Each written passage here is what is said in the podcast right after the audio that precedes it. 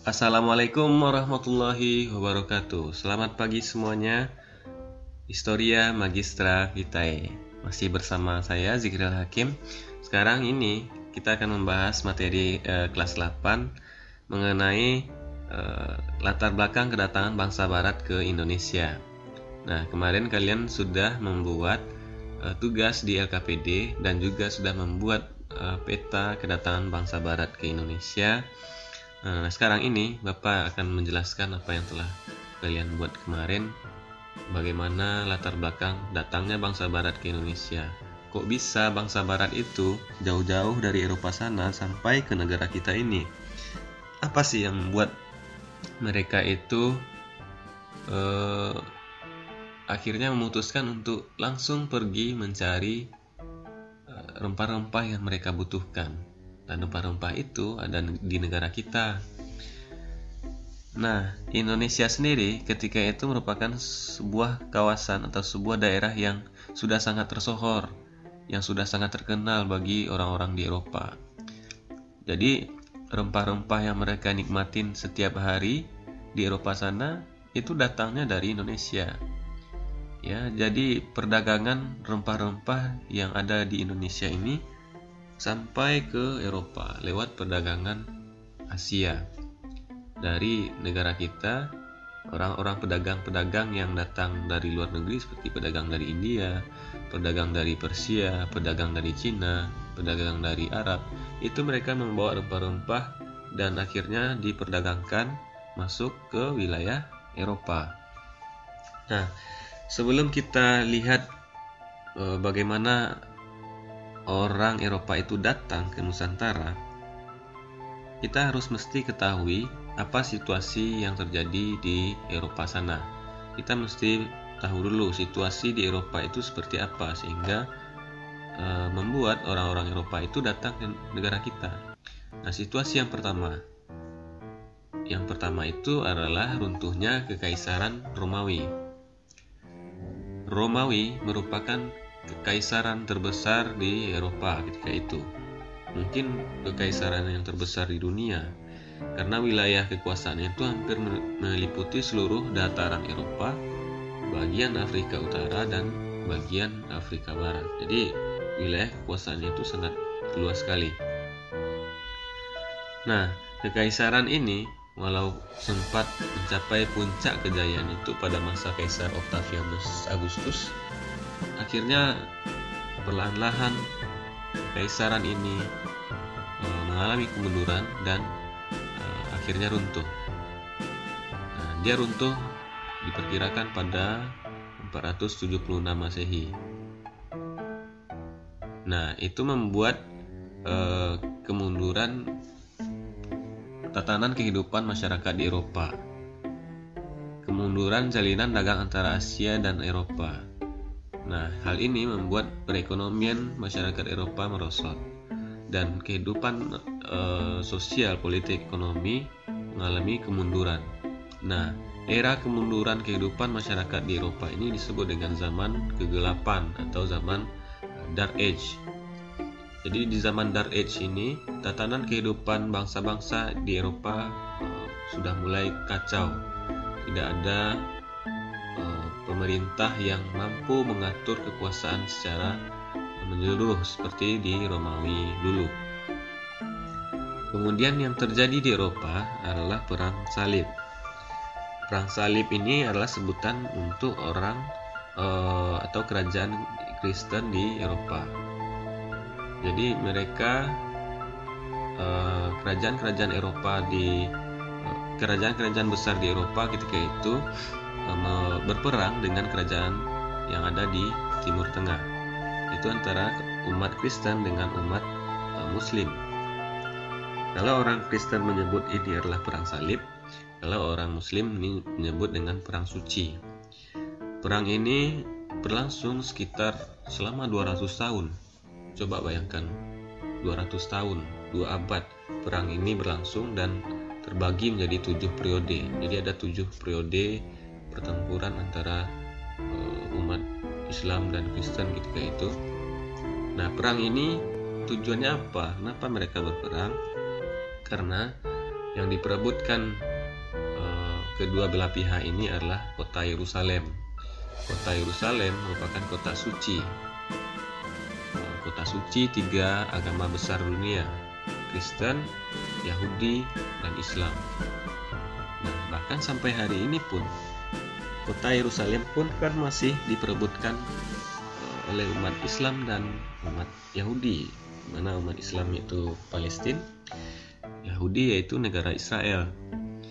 Nah, setelah dikuasai oleh uh, raja Kristen selama 100 tahun, kemudian akhirnya uh, kota Yerusalem itu dapat direbut oleh Salahuddin al-Ayyubi dari uh, Timur Tengah. Nah, kemudian bangsa Barat akhirnya tidak tinggal diam ingin merebut kembali di bawah pimpinan Raja Richard the Lionheart dari kerajaan Inggris. Dia mengimbau raja-raja di Eropa untuk bersatu kembali untuk merebut kota Yerusalem. Namun akhirnya uh, Richard the Lionheart gagal. Jadi apa faktor penyebab perang salib selain merebut uh, kota Yerusalem tadi? Intinya pada beberapa faktor lain. Yang pertama, adanya larangan bagi pesiarah Kristen untuk mengunjungi Yerusalem. Kedua, merebut Spanyol yang telah tujuh abad dikuasai oleh dinasti Umayyah. Dinasti Umayyah itu salah satu dinasti uh, Islam yang besar di kawasan Eropa. Kemudian, yang ketiga, Paus Urbanus sebagai pemimpin Katolik tertinggi ketika itu berusaha untuk mempersatukan kembali gereja Roma dengan gereja Romawi Timur. Jadi Roma Roma itu ada di Romawi Barat yaitu di Italia. Gereja Romawi Timur itu ada di Konstantinopel. Eh, Konstantinopel itu ada di kawasan uh, Turki saat sekarang atau di kota Istanbul saat sekarang ini. Nah, dampak perang salib ini sangat luas dampaknya bagi uh, tatanan kehidupan di Eropa dan Timur Tengah yaitu yang pertama jalur perdagangan Eropa dan Timur Tengah menjadi terputus. Ya. Apalagi dengan dikuasainya Konstantinopel. Ya, setelah Konstantinopel dikuasain oleh uh, umat Islam ketika itu, maka para pedagang Eropa yang membutuhkan rempah-rempah tadi uh, ingin mendapatkan rempah-rempah secara langsung dan akhirnya mereka mencari jalan lain. Kalau jalan yang dulu itu rempah-rempah itu masuk dari kota di Aleppo Suriah kemudian masuk ke eh, masuk ke Timur Tengah masuk ke Istanbul atau masuk ke Costa Konstantinopel baru masuk ke Eropa kemudian mereka mencari jalur sendiri dan mencari daerah penghasil rempah-rempah itu di mana nah yang kedua bangsa Eropa mulai mengetahui kelemahan dan ketertinggalan mereka dari orang-orang Islam dan Timur. Jadi Eropa itu kan uh, sempat mengalami fase kemunduran yang disebut dengan Dark Age tadi atau zaman kemunduran atau zaman kegelapan. Mereka menyadari mereka itu uh, tertinggal dari orang-orang Islam dan orang-orang yang tinggal di kawasan timur seperti ya, India, seperti Cina dan lain sebagainya. Hal itu membuat dia orang-orang Eropa berusaha untuk mencapai ketertinggalan itu dengan menguasai ilmu pengetahuan dan dan teknologi secara besar-besaran. Yang ketiga, adanya motif eh motif, adanya motif balas dendam di kalangan orang-orang Eropa, eh, Eropa, terutama orang-orang Kristen terhadap Muslim karena kekalahan perang di dunia timur ketika itu untuk menguasai jalur perdagangan tadi. Nah, yang ketiga, apa yang terjadi di Eropa ketika itu? Jatuhnya kota Konstantinopel ke wilayah kekuasaan Islam.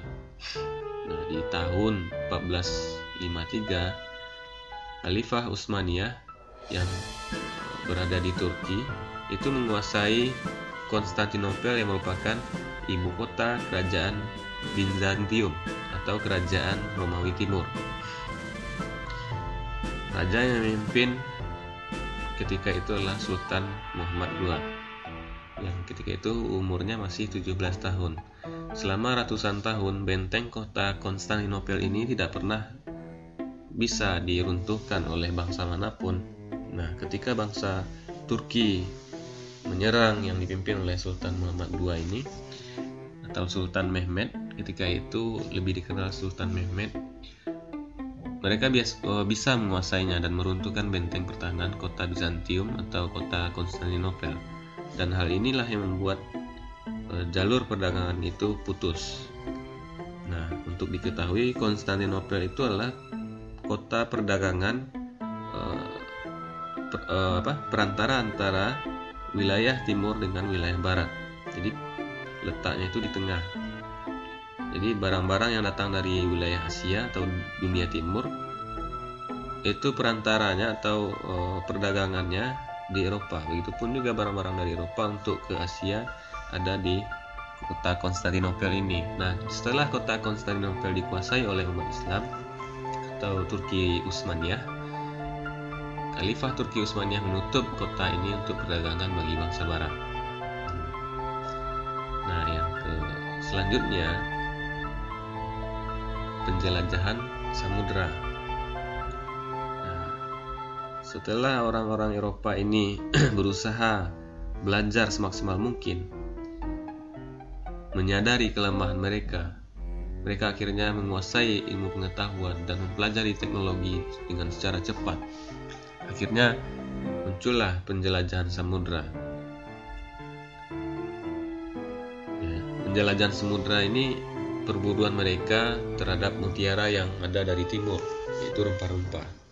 Motif mereka yang mendorong mereka untuk melakukan penjelajahan samudra itu yang pertama adanya semangat pendaklukan atau reconquista.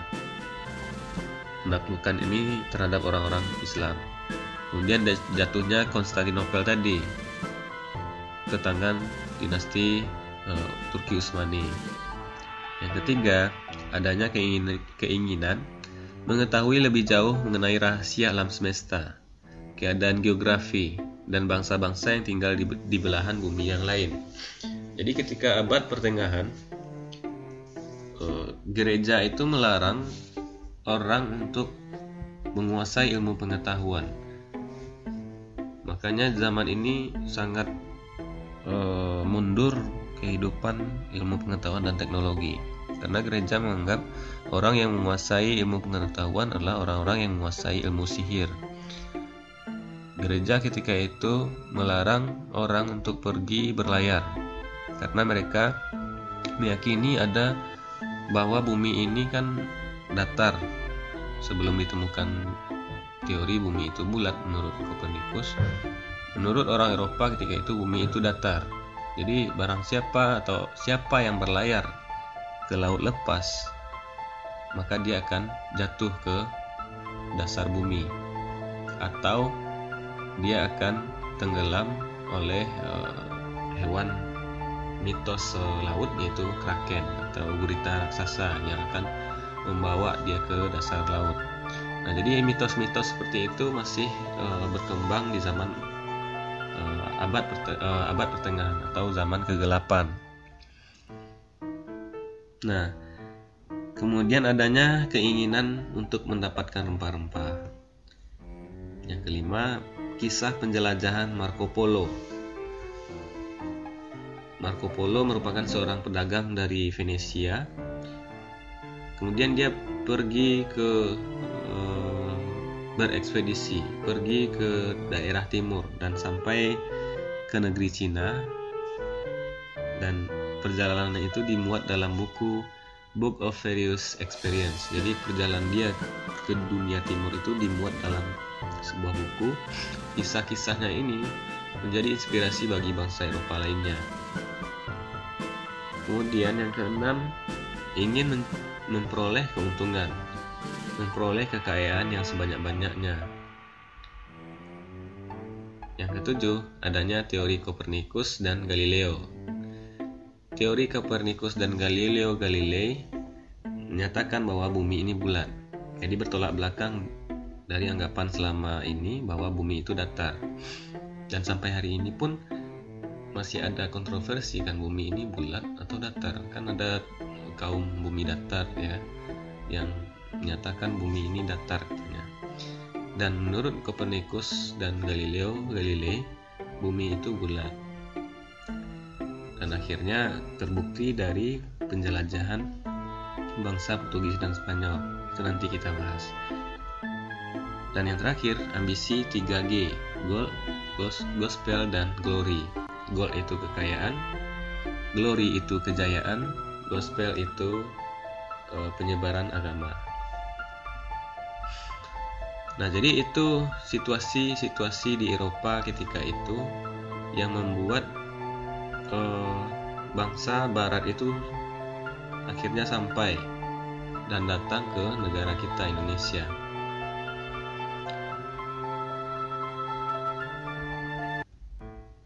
Nah, selanjutnya apa sih tujuan kedatangan bangsa barat itu ke Indonesia?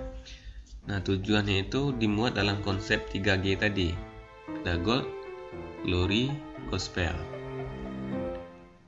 Nah, jadi itu eh, secara garis besar bagaimana bangsa barat itu sampai ke Indonesia. Situasi di Eropa yang ketika itu yang sangat tidak menguntungkan bagi bangsa Eropa dan juga Eh, membuat mereka sadar akhirnya belajar uh, mencari ilmu pengetahuan baru mencari teknologi baru dan akhirnya mereka menguasai dan akhirnya mereka mengejar ketertinggalan sehingga mereka akhirnya menjadi bangsa yang menguasai dunia bangsa yang menjajah orang-orang di dunia timur. Nah jadi akhirnya terbalik. Bangsa timur yang ketika itu sudah maju akhirnya digilas oleh ke uh, kemajuan orang Eropa yang sangat luar biasa. Jadi seperti itu teman-teman, kenapa bangsa Barat itu sampai datang ke negara kita ini. Nah, untuk kali ini cukup sampai di sini. Nanti akan dilanjutkan bagaimana uh, masuknya, eh bukan masuknya, tapi bagaimana jalur masuknya bangsa Barat itu ke negara kita. Nah, sesuai dengan peta yang kalian buat kemarin. Oke, terima kasih. Ciao.